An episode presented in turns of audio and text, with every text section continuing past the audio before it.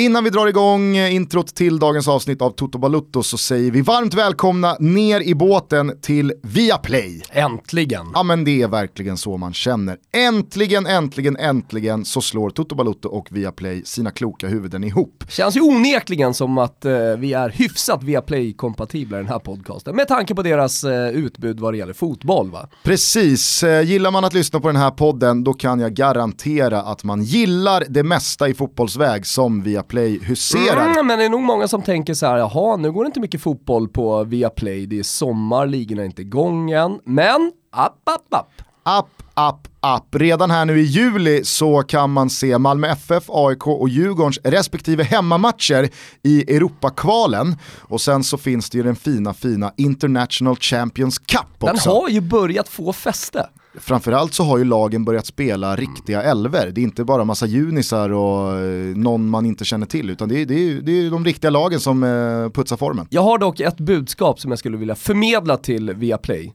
Eh, jag kollar mycket på barnprogram, de har ju hur mycket som helst eh, på Viaplay, sitter med mina barn. I Sverige så kallar man ju Peppa Pig för Greta Gris och eh, Greta Gris är ju stor i Casa Wilbacher, hon är en stor idol till och med för mitt yngsta barn. Sitter och kollar på det hela tiden. Ni måste byta till originalnamnet Peppa Pig. Det är viktigt för mig det här alltså. Ja, det- Jag sitter ju och liksom jobbar in och hon säger Greta Gris liksom. Så jag, nej nej nej nej, hon heter Peppa Pig.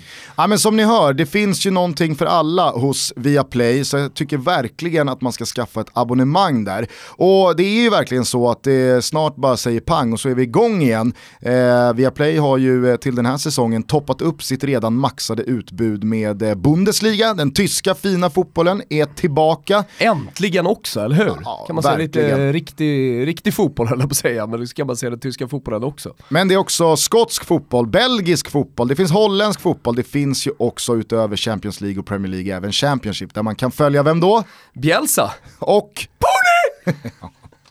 Precis, så att vi är väldigt glada över att Viaplay är med oss. Jag tycker att alla som inte har ett abonnemang borde kika in på viaplay.se och grotta ner er i vad man kan få för slantarna där. Det är en hel del, inte bara fotboll, utan Greta Gris och annat smått och Scrubs gott. och så vidare. Tack till Viaplay, nu kör vi Toto.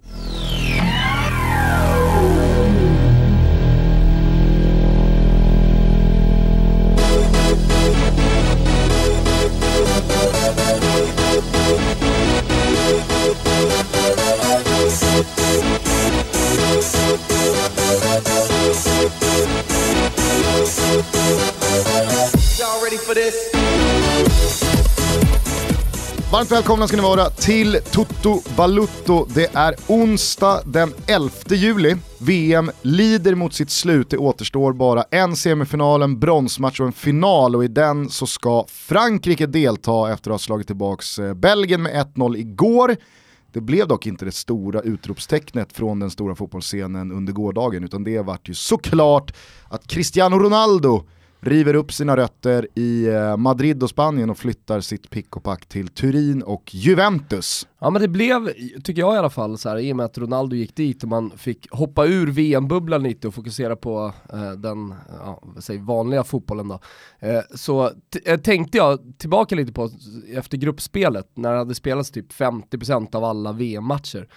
Eh, så var det många som twittrade och tyckte att så här, fan nu har 50%, nu har halva VM gått, snart är det över, då är det fyra år kvar och blev lite deppig av det.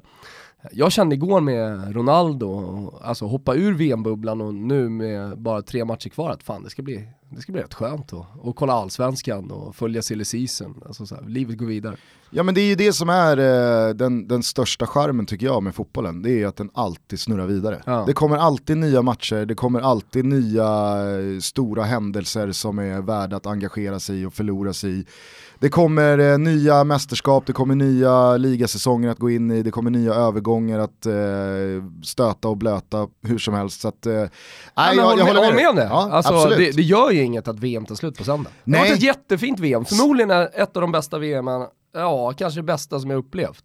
Samtidigt, I, I vuxen ålder. Samtidigt är det ju inte fel heller att man kombinerar det här i några dagar, någon vecka. Alltså där det fortfarande spelas VM och Det sen är att det super. börjar liksom, eh, allsvenskan drar igång, eh, Djurgården, Gnaget, igång. Malmö ska kvala ut till Europa, eh, stora övergångar sker, Premier League drar igång om vadå, tre veckor. Mm. Är ju redan igång mentalt med mitt fantasylag i huvudet. Asså? Ja. De, har Ja, släppt, de har släppt det så du kan redan nu börja komponera ihop ditt lag. Jajamän, nu påverkar ju inte Ronaldo till Juventus det speciellt mycket. Däremot Riyad Mahrez till Manchester City. Det ställer ju till det ordentligt. Såg att du uppmärksammade att han tog av sig kepsen när han Ja, men på Pep visst var det lite Nej, fint ändå? Verkligen. Det, det, det fick mig ändå Här i kommer liksom, mästaren, här kommer chefen, då tar jag med mössan. Ja, kanske inte bara så, utan här kommer min tränare. Alltså det behöver ju inte vara Pep Guardiola eh, högst upp i hierarkin, utan det är ju någonstans en spelare och en tränare och spelaren visar lite vördnad och respekt inför honom och tar av sig kepsen när han sträcker fram handen och hälsar på honom första gången, får man väl anta att det var. Och det gjorde mig lite glad. Det har ju varit ett par år här eh, sen, eh, alltså du spelade ju ordentlig fotboll för väldigt länge sedan. Jag, Ja! jag slutade spela fotboll för en 6-7 år sedan och redan då så var det ju väldigt många år av framförallt då 90-talister som kom upp i seniorlag och inte alls förde sig och rörde sig med samma respekt inför de äldre som jag tror att jag, alltså sena 80-talister, var den sista generationen i det beteendet. Hade ju en riktigt bra säsong i Lodos Novanta i Florens, Eh, låt oss säga att det är division 4 nivå då. Ja. Eh, 2007, Mm. ja, så, så länge sedan var det inte. Nej, okej. Men här hemma i Sverige så var det ett tag sedan. Ja, det var det. Och du kan ju såklart också vittna om att det var ju en fotbollskultur inom de här lagen eh, i de lägre divisionerna. Det var säkert samma sak i allsvenskan och superettan eller division 1 som det hette då. Att, ja, men de äldre, de eh, satt på en pedestal, de yngre drog målen och fyllde Jag flaskorna tycker, och jag tycker mer och mer liksom att så här, det, det svenska platta organisationen som även har kommit in liksom i fotbollen, att det inte finns speciellt mycket hierarki. Jag menar när du, ja, till och med när du kom upp, men, men alltså när, när jag kom upp så putsade du ju skorna åt eh, A-lagsspelarna. Ja, ja, och, och du, du lirade i B-laget. Och sen Alltså, några du år bar- senare, Du fyllde vattenflaskor, eh, du, du, du bar vattenflaskorna, alltså Ja. du, du gjorde allt det där och var du på träningsläger. Ja, då var det lite skämtsamt, ja, ingen gallning, men ändå åt det hållet. Och så blev man hela tiden matad med att ja, men snart så kommer det ju yngre spelare, då är inte du längre yngst. Så att, eh, då, då behöver inte du bry dig om det här i 15 år. Men det tog ju slut i skiftet eh, 80-talister till 90-talister. De eh, tar ingen skit. Här är alla lika mycket värda, varför ska jag hålla på och dra målet åt någon jävla jävligt. 34-åring? Det är för jävligt. Jag tror att det är ganska många äldre fotbollsspelare som hade problem med det. Jag pratade med Nisse Johansson, vi har jobbat en del ihop här nu under VM. Eh, pratade med honom om det där. Och han skakade ju bara på huvudet eh, åt eh, vissa stunder. Junisar Ja, som åt, han säger. Ja, och åt vissa tillfällen och stunder som han har varit med om här i AIK på de senare säsongerna. Att det har kommit 17, 18, 19, 20-åringar som ja, men, he, helt bara Respektlösa. ja, men, kanske omedvetet respektlösa. För dem är det ju en självklarhet att jag drar väl mål lika mycket som lagkaptenen. Alltså det, det, det är väl så det ska vara. Sen drog han en jävligt rolig grej om eh, den gamla anfallaren Theo Jagne. Kommer du ihåg honom? Ja. Det är nog många aik som kommer ihåg honom, ganska många som följer allsvenskan också. Eh, han spelade i AIK för ett gäng år sedan och eh, han var inte så jävla bra men han var jävligt snabb och han Skön satt ju inne på en otrolig potential. Det var ju alltid snacket om Theo Agne. Sen så sprang han en hel del offside också. Eh, nej men då berättade Nisse att eh, han en dag hade kommit till Karlberg med sin hund. För att han hade, alltså han hade köpt en hund och han hade ju ingen flickvän eller familj som kunde passa den och den kunde inte vara hemma hade han fått höra. Så att eh, den får vara här. Så att han hade ju sin hund i omklädningsrummet och på Karlberg flera månader. Vilken förstöra ett helt fotbollslag. När var det här sa du? Ja, när spelade Theo Jagne i AIK? 2011? Ja, 2012? där har du anledningen till att det inte gick speciellt bra där. Se Hagnes jävla hund alltså. Ja, men, alltså, det var så roligt när Nisse berättade för han var helt oförstående, alltså han, han sa det, så här, Jagne var helt oförstående till att det här inte passar Men sig. Nisse måste ju ha då rytit till och Ja, men han sagt sa ju, men du, du, kan inte, du kan inte ta med din hund säger Jagne. Springa omkring här i omklädningsrummet. Men han sa det så här, men jag kan inte, alltså, han kan inte vara hemma själv. Han, var inne på Karl, han, var inne, på innan. han var inne på Karlberg med Bulten när de andra tränade. Satt och skällde under eh, någon, eh, någon matchgenomgång. Eh, vart var vi någonstans? Vi var att VM håller på att ta slut och eh, klubblagssäsongerna antingen har sparkat igång igen eller snart gör Ronaldo det. var vi på. Ronaldo har gått till Juventus, eh, Riyad Mahrez har gått till Manchester City, men det smäller ju såklart inte lika högt som Ronaldo till Juventus. Berätta, hur, eh, hur följde du den här gårdagen? För det gick ju jävligt snabbt. Ja, exakt. Det här har ju inte varit en lång följetong eh, men Lexe, lite- Zlatan till United. Nej, exakt. Nej men så här, lite som Bonucci i fjol, när eh, Slättman, en av våra lyssnare, sa, eh, jag skrev bara, förmedlade nyheter på Twitter att så här, ah, nu verkar det som, nu skriver Corriere dello Sport typ att Bonucci är på väg till Milan. Då svarade han bara, nej nej nej Thomas. Jag kan lova dig att Bonucci inte kommer gå till Milan, han är Juve i hjärtat och så vidare och så vidare. Och Vem nu om- han är att gå emot Corriere dello Sport, det vet jag inte. Och om det nu skulle vara så att Bonucci hamnar i Milan, då lovar jag att cykla från Stockholm till eh, Han bor i Neapel. Kalmar nu. Till, Kalmar. Från Kalmar till Neapel. Eh, till Neapel, han har fortfarande inte cyklat, han gick dit, men... Men jag- vi håller jag koll på Slättmans eh, monark. Absolut, 100% alltså. Vi, vi får lösa en spons där på en Crescent eller någonting så han kan hoja ner. Det ska vara treväxlad, alternativt en postcykel som man ska cykla ner. En sån här järnflak. Ja, flak. ja exakt. Nej men det, det jag skulle säga bara att eh, eh, den övergången i tid liknar ungefär Bonucci och eh, alltså nu är det här en ännu större överraskning än vad Bonucci var, men det var ju också en stor, eh, stor överraskning att helt plötsligt Milan var intresserade av mästarnas ja, bästa back, som man såg honom lite. Eh, och att han sedermera gick också. Det, det, har tagit, det har väl gått bara någon vecka drygt sen de första ryktena började komma. Eh, och då pratar man om 90-10, liksom att Florentino Perez kommer nog lösa det här i slutändan ändå. Och sen så har det ju bara liksom ökat procentuell, eh, procenten eh, som eh, satte Ronaldo i eh, Juventus. Och sen så igår då så twittrade, jag tror det var Tancredi Palmeri faktiskt, som var en av de första som twittrade någon slags här breaking, idag händer det. Agnelli, och så var det foton då på Agnelli på väg till Grekland, där Ronaldo är på semester. Vet du vad man älskar med Tanks twittrande? Att han alltid kör, om fem minuter kommer en huge update. Ja, han, han twittrar liksom ut en liten Ah, teaser, teaser, ja. först. Fan ska börja med det För också? att en minut senare då twittra ut det han ska ha Men det sjuka är i början han gjorde för några år sedan, då tänkte man han är, han är, han är slut i huvudet den här killen, vad fan håller han på med? Men nu älskar man det ju! Oh, fem minuter! Men nu sitter man ju och drar eh, Tanks Twitterprofil Ja, ja. neråt och uppdaterar den. När kommer den? När kommer den? När kommer den?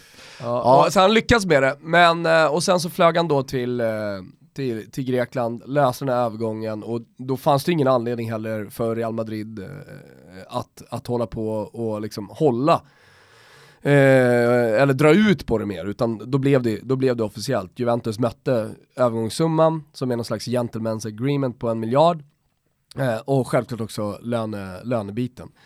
Eh, Där kan man väl säga, vad, om jag har förstått det rätt, att Ronaldo accepterade en lön från Juventus som stod i paritet med den Real Madrid erbjöd honom, men i Real Madrid så ville han ha 9 miljoner per säsong mer ja, och ha då lika Ja, mycket som Messi. det, var, det, det är det det sägs. Så att han har ju inte gått upp i lön eh, i Juventus Nej. från det han erbjöds i Real Madrid, Nej, utan det var väl mer att om inte ni kan erbjuda mig det här, då går jag hellre någon annanstans. Det, det, det är väl så, eh, oavsett hur mycket pengar det handlar om, liksom att brutna löften är väl det, det värsta man kan vara med om. Alltså någon lovar en någonting oavsett om det handlar om att hjälpa till att flytta eller fan vet jag, eh, eh, eller i det här fallet då eh, en, eh, en rejäl saftig jävla löneökning. Eller jag lovar att komma i tid till Kung Karl nästa event.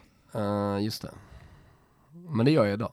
Ja. Eh, ja, nej, men fan igår var vi tvungna att åka av motorvägen och allt möjligt skit innan jag kom. Skitsamma. Eh, nej, så att eh, ja, det, det, det verkar ju som att det, det, det, här, det är det här det handlar om, liksom, att Florentino Perez har brutit det här löftet med Cristiano Ronaldo som har fått honom då att se bortom och Juventus var tidiga, det, det ska man verkligen ge dem, de var tidiga på eh, det här, de har fört diskussioner med honom eh, under ett tag, de har förstått att det är någonting på gång eh, och att, att göra det här liksom under radarn under, under så lång tid, för det måste ju folk förstå, att det, det är inte så att kontakter upptogs för åtta dagar sedan. Nej. Åh, vänta, här händer någonting. Eller att Cristiano Ronaldo ringer, du, jag är på väg bort där. Utan det, det här är någonting som har, som har pågått en tid. Jag Så vill ju snyggt. tro att eh, det här dubbelmötet Juventus-Real Madrid emellan i våras, där Ronaldo gör det fantastiska målet och stora delar av Juventus Stadiums hemmapublik ställer sig upp och applåderar honom. Jag vill tro att det kan ha spelat in. Låt oss säga att det spelar in dem, det är så små saker så att säga som ett brutet löfte som, som spelar in så kan det väl även vara sådana saker, så, alltså känslor som, som påverkar en spelare att i slutändan fatta ett visst beslut. För det är klart att eh, Cristiano Ronaldo hade kunnat tjäna betydligt mer pengar någon annanstans. Ja, och var det någon annan stor europeisk klubb han skulle lämna Real Madrid för så var det ju hela tiden United, United. som kändes som det rimliga alternativet. Att de lockar hem honom ja. eh, och gör två, tre säsonger där innan han lägger ner eller drar och cashar ut en sista vända i Asien eller i USA. Juventus var ju absolut inget alternativ jag trodde Nej, skulle, och det är det som är så överraskande. Eh, dels för att den italienska fotbollen då har varit på dekis, eh, framförallt från de här stora värvningarna sedan liksom, mitten på 2000-talet när man fortfarande liksom, hade Kaká, en Guldbollen-vinnare, eh, när italienska fotbollen fortfarande frodades, det fanns mycket inhemsk talang, eh, Ja det framförallt, alltså, stora italienska spelare i ett lag som vann VM. Ja det, det är inte jättemånga profiler så att säga idag, jag menar på den tiden så fanns ju allt från Fabio Cannavaro eh, längst ner eh, via Pillo och upp till Bobo Vieri. Alltså Totti, Del Piero, och Inzaghi, ja, Nesta. Alltså vi pratar om världsspelare.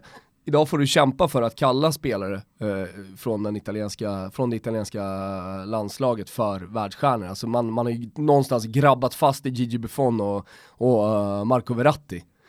Ja oh, men Verratti kommer ju att bli en av de största, men ja, han, han har fått kriga för att och liksom eh, behålla det epitetet lite grann. Vi kanske ska slå fast 11 juli 2018 att nej, Marco Verratti, du blev ingen du, du kommer aldrig bli en världsspelare. Nej, ja, det kan vi göra. Mm. Det kan vi, jag har inga problem med. Eh, jag landar också i lite andra funderingar. Jag tror att det var Patrik Ekwall. Eh, om det var någon annan så får ni ta den credden. Men annars så tycker jag att Patrik Ekwall ska ha en liten cred för den tanken. Han twittrade ut igår då att vad visste Zinedine Zidane om det här?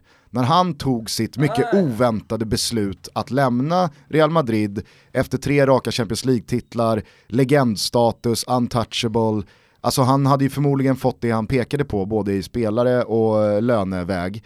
Eh, men han kliver av, ingen fattar någonting, han har heller inte liksom landat någon annanstans. Sen så tror ju du och jag att han kommer ta Qatar eh, inför eh, nästa VM då. Men, eh, det, Men här det... måste ju finnas en tanke då att Allegri gör en dålig höst.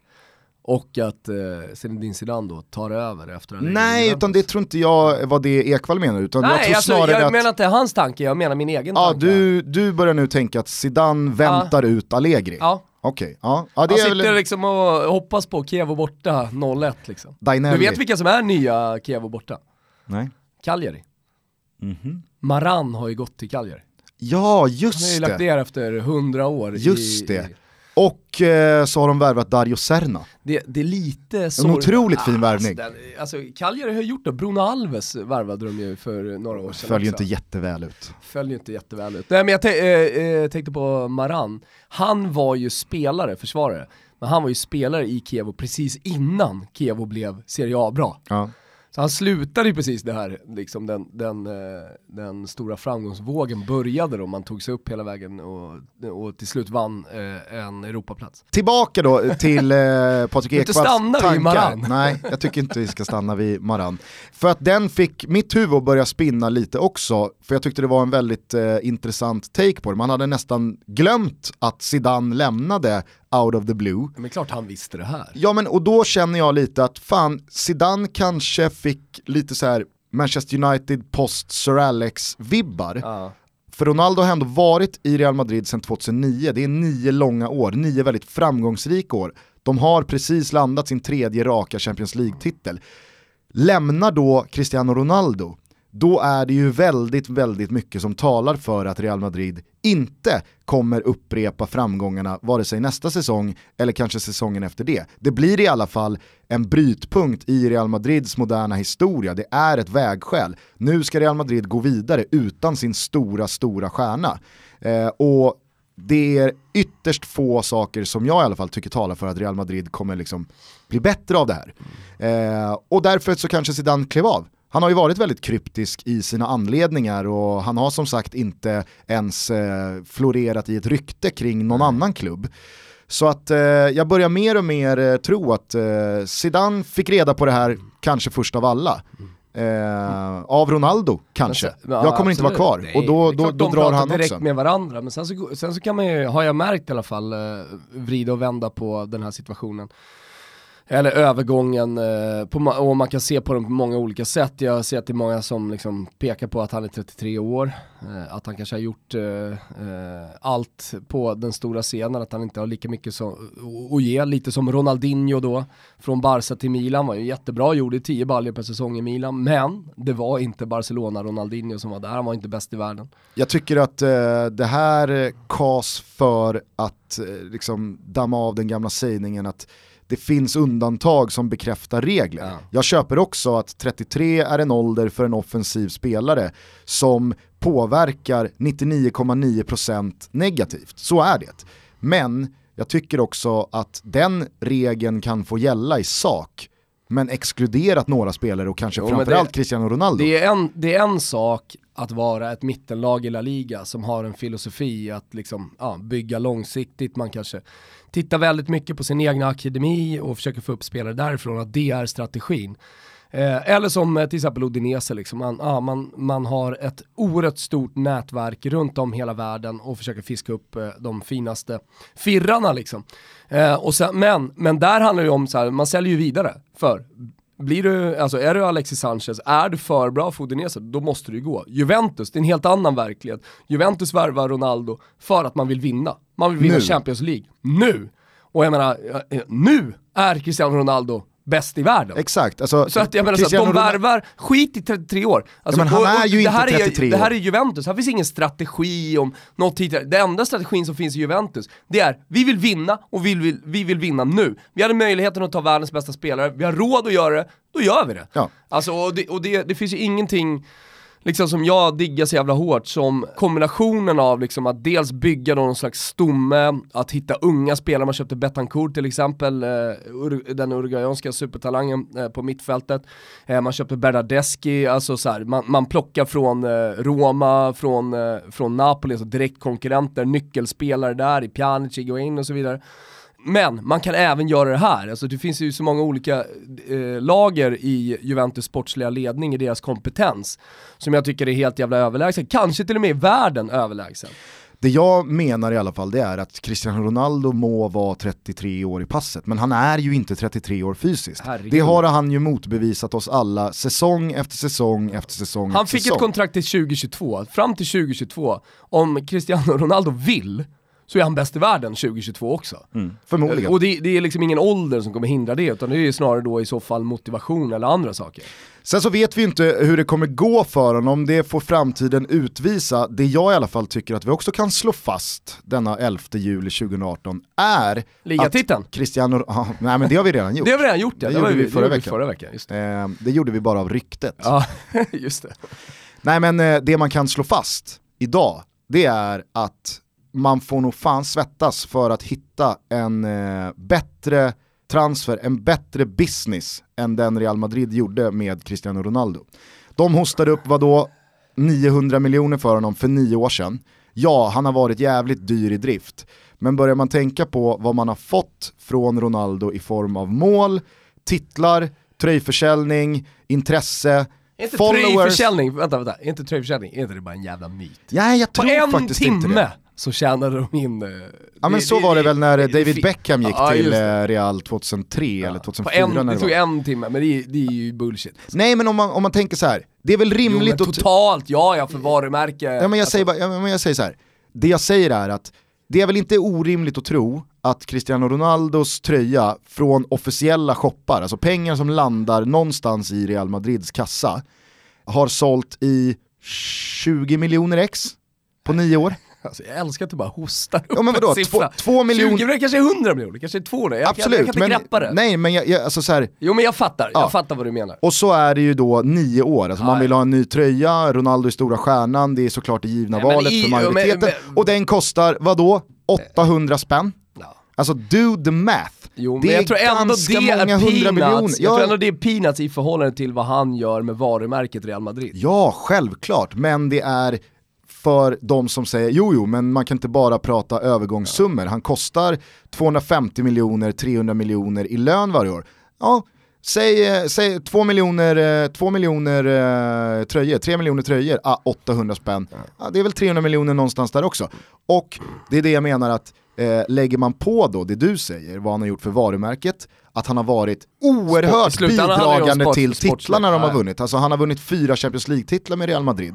De har eh, vunnit några inhemska titlar, kanske inte ger sådär jättemycket klirr i kassan jämfört med en Champions League-titel. Men han har ju Det varit också om så jävla bra business och en sån, de har ju fått ut så mycket man bara kan få ut av en spelare under nio års tid i en klubb. Och nu säljer de honom för mer än vad de köpte honom för. Det är ju helt sanslöst. Vilken Men- jävla liksom, men- så här det- punkt men- ändå det, på det man ändå Real måste landa i, business här. man kan prata om eh, så jävla många olika delar av den här försäljningen och landa i hans ålder, vad man nu vill, man kanske inte tror att han kommer lyckas i Juventus, han har sämre omgivning, eller vad man nu vill. Så jävla mycket sämre omgivning, i omgivning är det eh, såklart inte. Men, alltså att köpa världens bästa fotbollsspelare 2018, att vara Juventus och göra det, alltså det, det borde vara omöjligt. Alltså jag är helt knockad av den här övergången, jag tycker det är så jävla ballt och är så imponerad av eh, den sportsliga ledningen. Jag skrev en krönika igår, alltså det har gått 12 år sedan Juventus vart nedgraderade i Serie B. Eh, det finns säkert många som lyssnar på den här podden, eh, i och med att vi har så jävla många nu för tiden Gustav, eh, som inte har följt Juventus utveckling sedan 2006. Men, men man var alltså mer eller mindre totalt raderade då från för stora fotbollsscenen. Det fanns ingen kvar från den gamla ledningen och då ska man veta att det är en innan Calciopoli var kanske Europas mest välorganiserade eh, orga, organiserade klubb och var en maktfaktor i, i, Och i världen. Calciopoli ska vi säga då till alla de här, det var den härvan som fick Juventus Mm. tvångsdegraderade till Serie B och strippade på två ligatitlar. Fick ju feeling igår på Kung Karl så vi ringde ju Moji, jag och några gubbar. Han svarade inte. Eh, hur som helst, Ska nog hålla dig till julaftonssamtalet. Jag tror det. Men Luciano Moggi då som var klubbchef och övriga försvann och man började om på verkligen en ny kula. Sen efter det så gick det inte spikrakt uppåt. Alltså visst, man kom tillbaka till eh, Serie A eh, direkt. Men man harvade i några år. Ja, Vilket hädiskt lag de hade bara så sent som typ 2010. Ja, men jag tycker, ja exakt, men jag tycker ändå att man har fattat, sen eh, man tog in då den sportsliga chefsduon Paratici och Marotta, och sen så bildade de någon slags trojka eh, med Agnelli och eh, Pavel Nedved som, som en, ja men dels då historisk förankring såklart i Pavel Nedved som finns kvar som en gammal legendar i klubben, du har André Agnelli som är direkt nedstigande led från Lavocato, eh, och de stora Agnelli-gubbarna eh, som en gång i tiden gjorde Juventus till en av Europas bästa klubbar, att, att de tillsammans liksom, det var ju de som värvade Marotta Paratici, det, var de, det är de som har sett till där, det var de som eh, värvade Jean-Claude Blanc, som jag och Christian Borell kallade för baguetten och tyckte var usel. Men det han gjorde var ju att lägga grunden för hela arenabygget. Och idag kollar alla avundsjukt på Juventus. Shit, de har en egen arena och tjänar sina egna pengar och så vidare. Och det kan man tycka så här, liksom, i de stora ligorna, vadå? Så borde det väl vara? Nej, det är inte så enkelt i Italien. Kolla bara på Roma. Jag menar, de väntar fortfarande på det jävla spadtaget och de kommer förmodligen aldrig få ett jävla spadtag. Samma i Fiorentina, samma överallt. Och jag menar, nu, nu står de där på toppen med sin egna arena, sju raka eh, ligatitlar, två Champions League-finaler och uppenbarligen så vill de största spelarna spela i det laget. Alltså fan vilket jävla arbete de har gjort. Mm, några andra saker som får mitt huvud att spinna av den här övergången, det är ju såklart vad som händer i Juventus med några andra spelare och vad som händer i Real Madrid. Börjar man i Juventus så gör i alla fall jag ekvationen att det inte går ihop med Cristiano Ronaldo, Higuain och Dybala. När jag tänker, nästa tanke är då, vem får man mest pengar av? Man la nästan en miljard på Gonzalo Higuain för bara två år sedan. Honom får man inte mycket mer än vadå, 30? 35 miljoner euro för. Och då så känns det ju rimligt att det blir Dybala som får flytta på sig och säljas av. Ifall cashen ska in och någonstans då eh, väga upp på intäktssidan. Och det vore ju ett aning, jävla ja. hårt slag, inte bara för Juventus utan framförallt för Dybala. För jag är inte säker på, tänk om det skulle bli så att Dybala går motsatt riktning och är den som ska fylla Ronaldos skor i Real Madrid. Nu tror jag inte det, men... men Nej, men du eh, förstår, det är klart att man, så någonstans så ska ju Dybala. Och det är rimligt att vi spekulerar ju, för att alla spekulerar nu, vad händer med Juventus? Eh, Alltså innan vi summerar deras eh, transfersommar så måste vi se vad som händer på utsidan. Nu är det fantastiskt, nu liksom Eh, Ligatiteln redan utdelad och så vidare, men, men vad händer med Pjanic, som du säger, vad händer med Dybala och så vidare. Men, men det jag tror, om jag får liksom, eh, ge mig på en gissning här, jag har ju trots allt ett kikarsikte som ofta brukar vara rätt klart, så är det att man behåller det mesta. Att det inte blir så mycket försäljning. Och jag menar, Pjanic tog ju död på nu är, nu är fönstret fortfarande öppet men han tog ju död på ryktena ganska hårt när, när han kom till eh, Vinovo och, och alltså träningsanläggningen för de obligatoriska efter semestern eh, läkarundersökningen eh, och sa att han skulle stanna där. Eh, för övrigt så lär ju Iguain ha det lite tuffare när han kommer tillbaka och, och ska göra efter eh, semestern läkarundersökningen. Ja, han fick ju inte chansen att bränna allt för många kalorier ute på plan i eh, Ryssland. Ja, men han, han sitter nog nu och, och bullar på sig rätt rejält. Kanske det. För Real Madrids del så är ju det en klubb som fungerar väldigt speciellt, eh, i synnerhet med tanke på att Barcelona fortfarande har Messi. Det är ju en klubb som inte kan stå utan en sån här stor megastjärna. De måste ha en sån och kunna matcha Barcelona och Messi. Och vem ska det bli? Finns det ens någon? Den enda rimliga är ju Neymar. Mm. Tycker jag. Mm. Jag menar Messi... Mbappé. Ja, å andra sidan, nej. Nej, inte stjärnstatus om man vill ha allt det där, kanske inte, jag vet inte. Sen så är det där en jävla eh, snårig eh, härva med Mbappé, för om jag har förstått det rätt så är han fortfarande bara utlånad till PSG ja, från Jag såg Monaco. att det var någon som ställde faktiskt frågan till oss, eh, hur ligger det till med hans kontrakt? Vem är det egentligen som äger honom? Är det PSG eller Monaco? Skulle nog dock inte förvåna mig om, om PSG har liksom sista ordet vad det gäller hans framtid.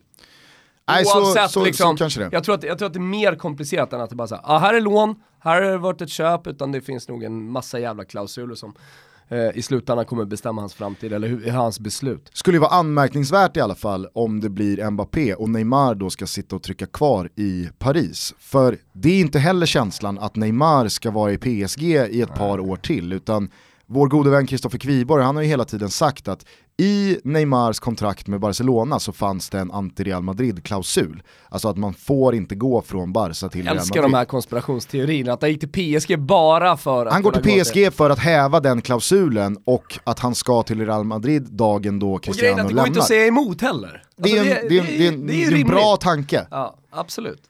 Dessutom så eh, verkar det ju som att eh, Benzema har tackat för sig. Och Ja. inte heller eh, är en Real Madrid-spelare när säsongen drar Alltså igång. vilket jävla superköp Benzema är den här sommaren. Ja. Vilken klubb han än kommer till så kommer han tokleverera alltså. Kanske är det Milan. Här har ni garanti alltså. Kanske är det Milan som ska har ta honom. surrat som Milan, så varför Ja. inte? Eh, det blir otroligt eh, spännande att följa synergierna av den här övergången. På Eh, tal om då den övergången, förlåt att jag avbryter det här, men, men eh, du har ju du, den annars då mest anmärkningsvärda kanske värvningen i sommar, det är ju Paulinho. Alltså som gick till Barcelona förra sommaren, folk förstod inte varför, och sen så spelade han en säsong och var fantastiskt bra, och nu har han gått tillbaka till samma kinesiska klubb. Ja. Den, den sprakar inte lika mycket. Anmärkningsvärd är den ju, alltså en spelare som ändå kommer till Europa, gör Barcelona, vinner en ligatitel. Och man, jag tänker i alla fall att så här, fan borde, borde fått smak för det här nu. Alltså han ska fortsätta spela i fucking jävla Barcelona som ska vinna Champions League. Ah för fan, jag kör Kina en vända till. Vet du vad som slog mig nu med Benzema? Nej. Det kanske är han som fyller luckan efter Lewandowski i Bayern München. Nu är inte Bayern München direkt kända för att plocka in spelare av Benzemas karaktär. Så Lewandowski Alltså ska till Real eller? Att Lewandowski lämnar Bayern München, det ser jag som många eh, mer eller mindre hugget i sten. Ja men det, det är väl USA eller Real Madrid. Jo fast USA kommer väl lite senare, hans fru har ju redan sagt det. Det är hon som bestämmer, det är lite som i Zlatan. När man spekulerar om, eller när man spekulerade om Zlatans framtid så var det ju alltid, jo men nu har vi kommit till ett till ett läge där Zlatan är så gammal så nu är det Helena Seger och barnen som bestämmer. Alltså i Lewandowskis fall Innan så dess är så var det ju- 100% frugan som bestämmer. Innan eh, Helena Seger blev liksom eh, Ja, en, centralfiguren så var det ju Maxwell. Vill man ha Zlatan Ja, ja, ja, så tog så- man Maxwell. man började Fönstret ta innan. Maxwell, exakt. Så kom Zlatan sen.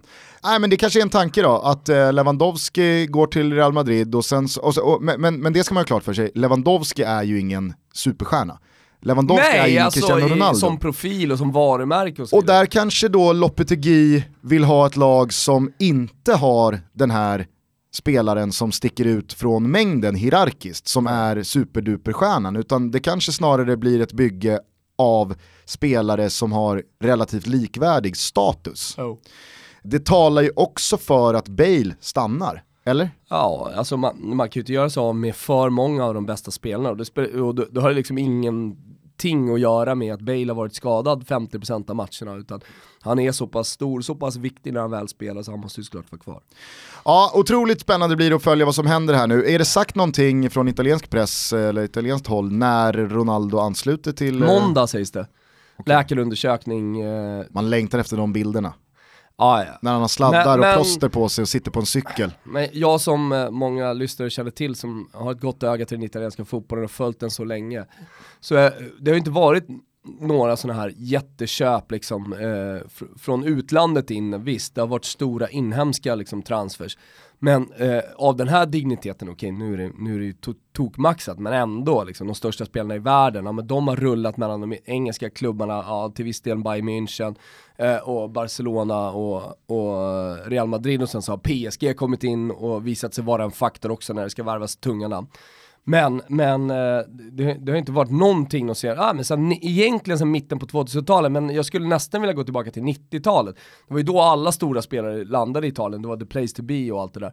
Men, men eh, det, det, det är ju det som är ballt liksom, att den, den italienska ligan helt plötsligt då får sig ett sånt jävla upplyft eh, eh intressemässigt. Jag vet inte, det är ingen som har köpt rättigheterna till Serie A än, men, men jag kan ju tänka mig att tv-bolagen helt plötsligt i alla fall börjar kolla på det. Bara på grund av att Cristiano Ronaldo är där. Ja, det får man nog anta. Du, eh, vet du vad som eh, slog mig precis? Nej. Nu ska jag ta en, eh, ett, ett- volleyskott här och visa alla hur flexibla vi är i vår relation till våra kompisar på Betsson. Aha. Som givetvis eh, sponsrar Toto Balutto även den här veckan. Vi har så roligt tillsammans med dem och det är så här det funkar. Du och jag får några idéer och så snackar vi med våra grabbar där borta och ber om lite boostade odds eller satta odds på tankar eh, vi har. Det har ju Eh, gått eh, ganska bra. Ja, Har du satt herregud, många rublar? Ja, men jag tror att vi satte eh, 11 eller 12 rublar. Ja, det är inte dåligt. Alltså. Nej. 32 lag, vi satte en rubel per lag. Förlåt. Och däribland då, då Belgien över 6,5. Olika England i semi, alltså, det finns ju mycket som helst. Jo, eh, då tänker jag att vi bara här nu eh, direkt på volley bollar upp lite spelare som vi vill ha odds på hamnar i Real Madrid. Vad Bra. tror du om det? Det tror jag på. Ja, okej. Eh, så att eh, spetsa öronen här nu Betsson. Eh, det är ni som måste få upp odds på det här. Vi vill ha eh, boostade odds på följande spelare att tillhöra Real Madrid när augusti blir september, alltså när fönstret stänger. Dybala vill vi ha med. Ja, det vill vi. Eh, vi vill såklart ha Neymar Neymar vill vi ha med. Lewandowski, och eh, Mbappé. Mbappé. Fan nu är vi uppe och pratar om alla stora spelare i hela världen. Jo men det är väl, det är väl de Nej. som är rimliga då? De är rimliga, finns det någon orimlig? Eh, ja, det är klart att det finns orimliga spelare. Eh, Dario- Smålov, Dario Dailel. Smålov. Smålov. Ja, där, det, det går Ska vi ha ett eh, boostad Ja, på får vi ett på Smålov Smålov till Real Madrid också? Nej men finns det något eh, Där har du ju för sig, där har du ju varumärket. Alltså, bli stor i östblocket. Det vill man ju vara.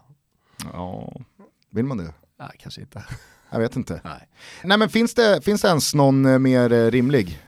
Nej, men av de stora tycker jag att vi, det, det, det är liksom, det är de. Ja, då kör vi på det då. Dybala, Lewandowski, Neymar och Mbappé. Ja! Och Smålov. Ja, Fem spelare med boostat odds eh, att landa i Real Madrid. Eh, jag antar att man hittar det här under godbitar och boostade odds eh, borta på eh, Betsson. Och så eh, påminner vi också om att vi eh, boostar upp en trippel till VM-finalen på Ja. söndag. Vi väntar ju fortfarande på motståndare till Frankrike, avgörs ikväll, England mot Kroatien. Vi är sponsrade av Stay Hard. Mm, modebutiken Stay Hard. Precis, de håller till på stayhard.se och det är Sveriges största onlinebutik för manligt mode. Och det som är bra med Stayhard, det måste jag säga, det är ju att de täcker in tutto balutto vad gäller manligt mode. Det är inte de bara tröjor, det är inte bara slipsar, det är inte bara skor, utan här är det eh, Men det är lätt kläder. att hitta nischade sajter som eh, har, precis som du säger, man, man, man går på en skjorta eller man går på ett par dojor eller vad det nu är. Alltså, Stay Hard, de har allt. Precis, man kan klä sig fint, man kan klä sig lite casual, man kan klä sig för träning. Det är alla möjliga tänkbara accessoarer, men också groomingprodukter Nu har inte du så mycket hår att jobba med längre. Nej men jag jobbar med det. Ja. Jag, är, jag är däremot liksom mer, i mer behov av groomingprodukter än vad du om är. någon kanske ska Exakt. skynda dig in på stayhard.se och se vad de kan göra Ja, men för framförallt också med Stay Hard så är det jävligt eh, sköna killar som har startat det här eh, företaget och byggt upp det till Sverige som du säger största modebutik. Eh, Vi har redan fått en jävla trevlig relation tillsammans med dem så vi är stolta över att eh, vara sponsrade av Stay Hard. Det finns över 250 varumärken i Stay Hards portfölj och det är inga dåliga märken, det är de riktiga tungviktarna. Calvin Klein, Filippa K, Hope, Kör ändå Nudie. den eh, brittiska Calvin. Ja, vad kör du? Nej, jag kör Calvin. Calvin? Ja, Okej, Nej, ja. Det, är, det är It's coming home-tider så man får ändå köpa det Gustav. Calvin Klein, Hope, Nudie, Levi's, NN07, Morris, Lylan Scott, Tiger, Vans. Cheap Monday gillar man ju. Alltså, jag skulle, om de varumärkena som du läser upp där så skulle jag vilja stanna vid Hope. Det är ett favoritmärke för mig. Ja, jag tror inte du, Svenskt skönt mode. du ska inte ge dig ner i ett par, par Cheap Monday jeans. Nej, jag tror att just den tiden är förbi. Dock kan det komma tillbaka igen, så vi får väl se hur länge Stay Hard hakar på här i podcasten. Kanske blir det eh, Cheap Monday vad det lider. Hörni, för alla er som eh, vill lägga vantarna på någonting väldigt fint från Stay Hard så erbjuder vi nu tillsammans med dem en rabattkod. Och det är inte vilken kod som helst, eller hur Gusten? Nej, koden är väldigt enkel, det är TUTTO, Ja. T-U-T-T-O, och den ger er 20% rabatt på hela Det sortimentet. är så jävla givmilt där. Ja. Så att eh, in på stayhard.se, gotta ner er i eh, vad ni kan klä er i sommar om ni nu ska på fest, om ni ska ut i löpspåret eller ut på krogen kanske. Ja, exakt. Tack till Stay Hard.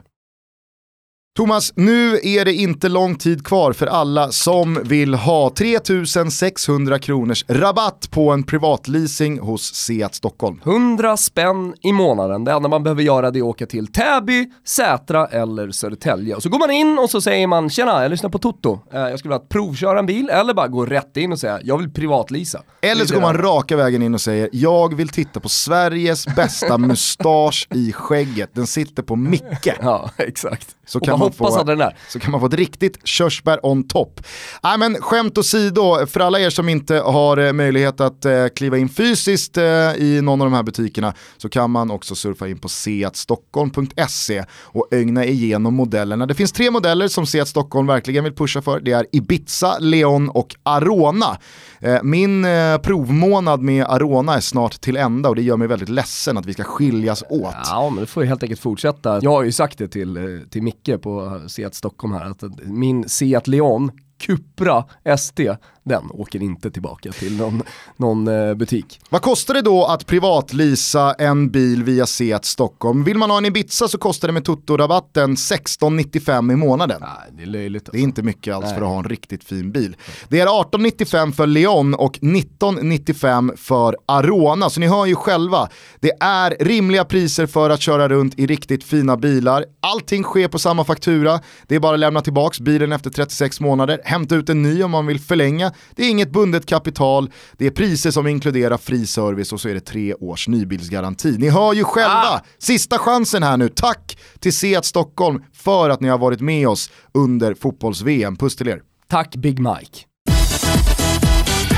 Tillbaka till VM, för igår var det ju semifinal Frankrike-Belgien. Jag hade höga förväntningar på Belgien efter deras insats mot eh, Brasilien i kvartsfinalen. Inte jag. Jag hade dessutom lite känsla av att har Frankrike varit så jävla bra då? Men jag sa det inför igår, alltså Frankrike, de har liksom bara smygit med. Inför VM pratade jättemånga om Frankrike som liksom, eh, ja, en, en absolut jättetrolig, men liksom var många som, som höll Frankrike som vinnare i slutändan. Men sen har det hänt så mycket under det här mästerskapet. Kanske mer spektakulära matcher. Eh, Framförallt har ju stora nationer varit bedrövliga och Exakt. tagit fokus från Frankrikes svala insats. Exakt, Frankrikes svala insats. Eh, men de har liksom tuffat på. Det är ofta det där händer i mästerskapen, att, eh, att eh, lag, eh, stora nationer, då får en ganska behaglig resa rent eh, intresse me mediamässigt. Helt plötsligt så är Frankrike i final och det skulle förvåna mig om de inte bara tog hela skiten här nu.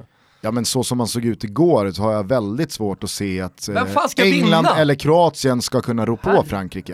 Eh, däremot så eh, såg ju många matchen och kunde också se att Belgien eh, gör ju en helt okej första halvlek, har ett par bra lägen, Joris gör ju ett par fantastiska räddningar.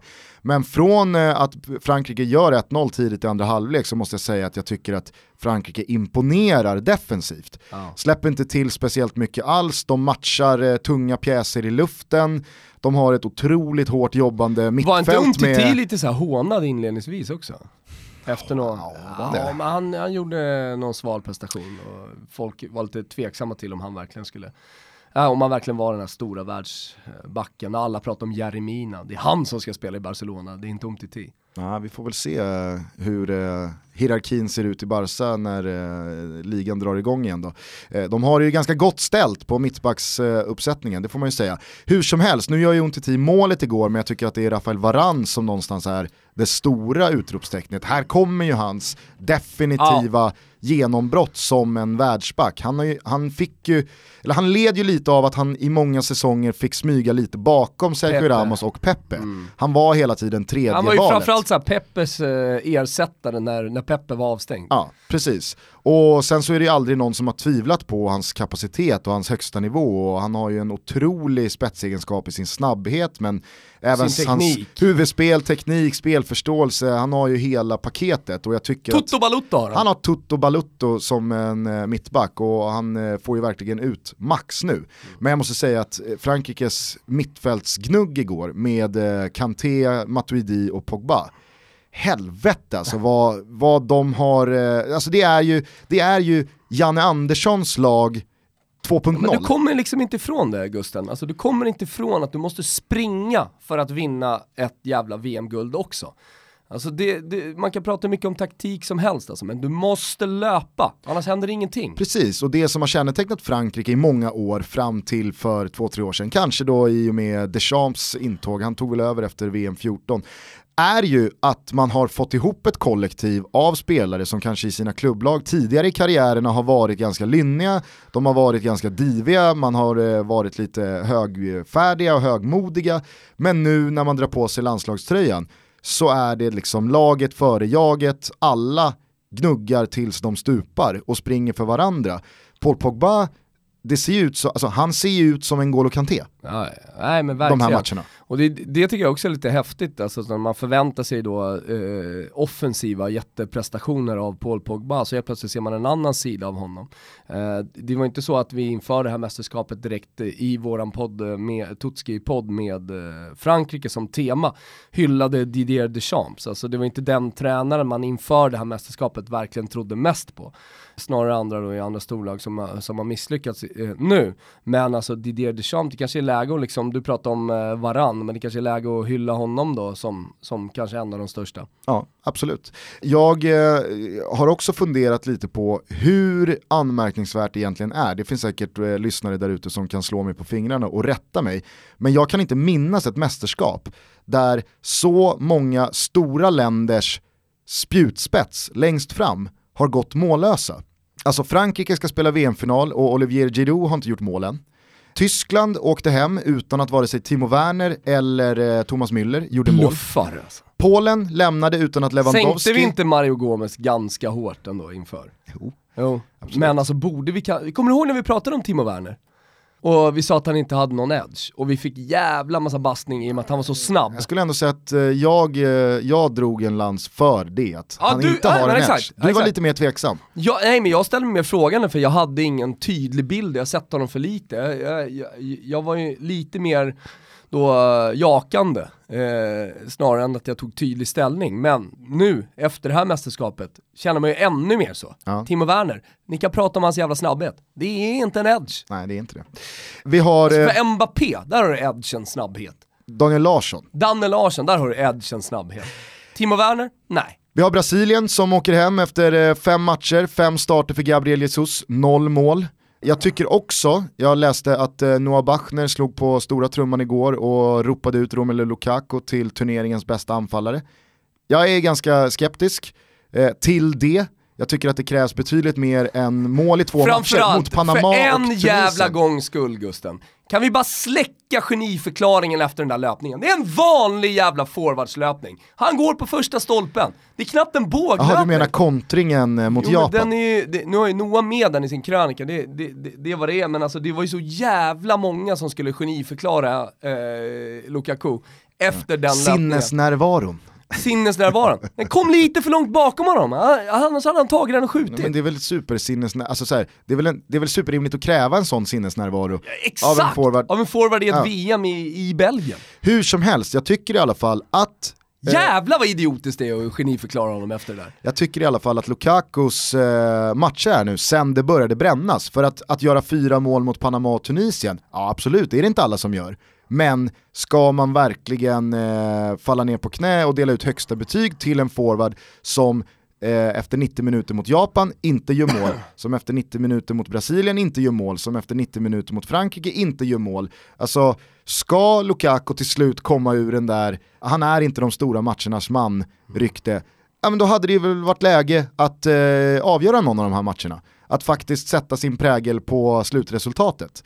Så att eh, jag, jag, jag, jag tycker att det är anmärkningsvärt många stora fotbollsländer som har haft sin spjutspets helt iskall.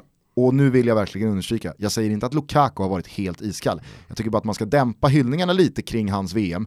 De andra namnen som jag däremot räknar upp, där är det verkligen en besvikelse å det grövsta. Man kan slänga in Messi där, han gör ett mål. Vi har ju vår egen sån, nu är inte Marcus Berg på en nivå som de andra namnen vad gäller status och klubbadress och så vidare. Men det är vår anfallare som, vad tar han, 15 avslut på fem matcher, noll mål. Eh, det kanske börjar bli lite mer tunnsått än vad man tror på de här nummer nio typerna som gör sina mål. Ja, jag älskar ändå nummer nio typer så det känns lite trögt.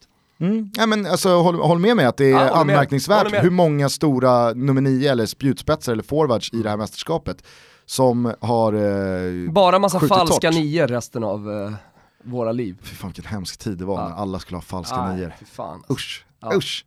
Kommer ändå klå sig in och visa vem det är som bestämmer. Ja. Det var skönt, mitt i liksom piken av falska nior. Hörni, stort jävla tack till alla er som har kommit till Kung Karl. Vi har 13 events i burken, två återstår. Det 14 om bara några timmar. Då ska vi kika på semifinalen mellan England och Kroatien och sen så kör vi finalen på söndag. Det finns några biljetter kvar till söndagen.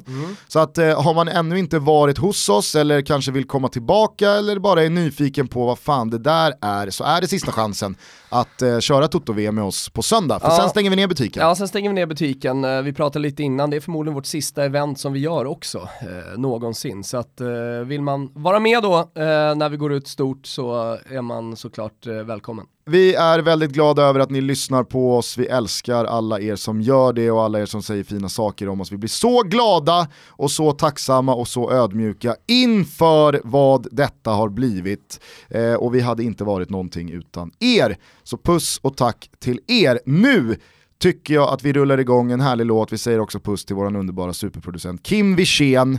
Utan dig så hade inte Sommartutto kunnat vara det det är, nämligen en jävla ångvält som aldrig slutar rulla. Så är det, den fortsätter även nästa vecka när vi går på semester från Bibione och från LA. Nu lyssnar vi på den här dängan och säger ciao tutti. Ciao tutti.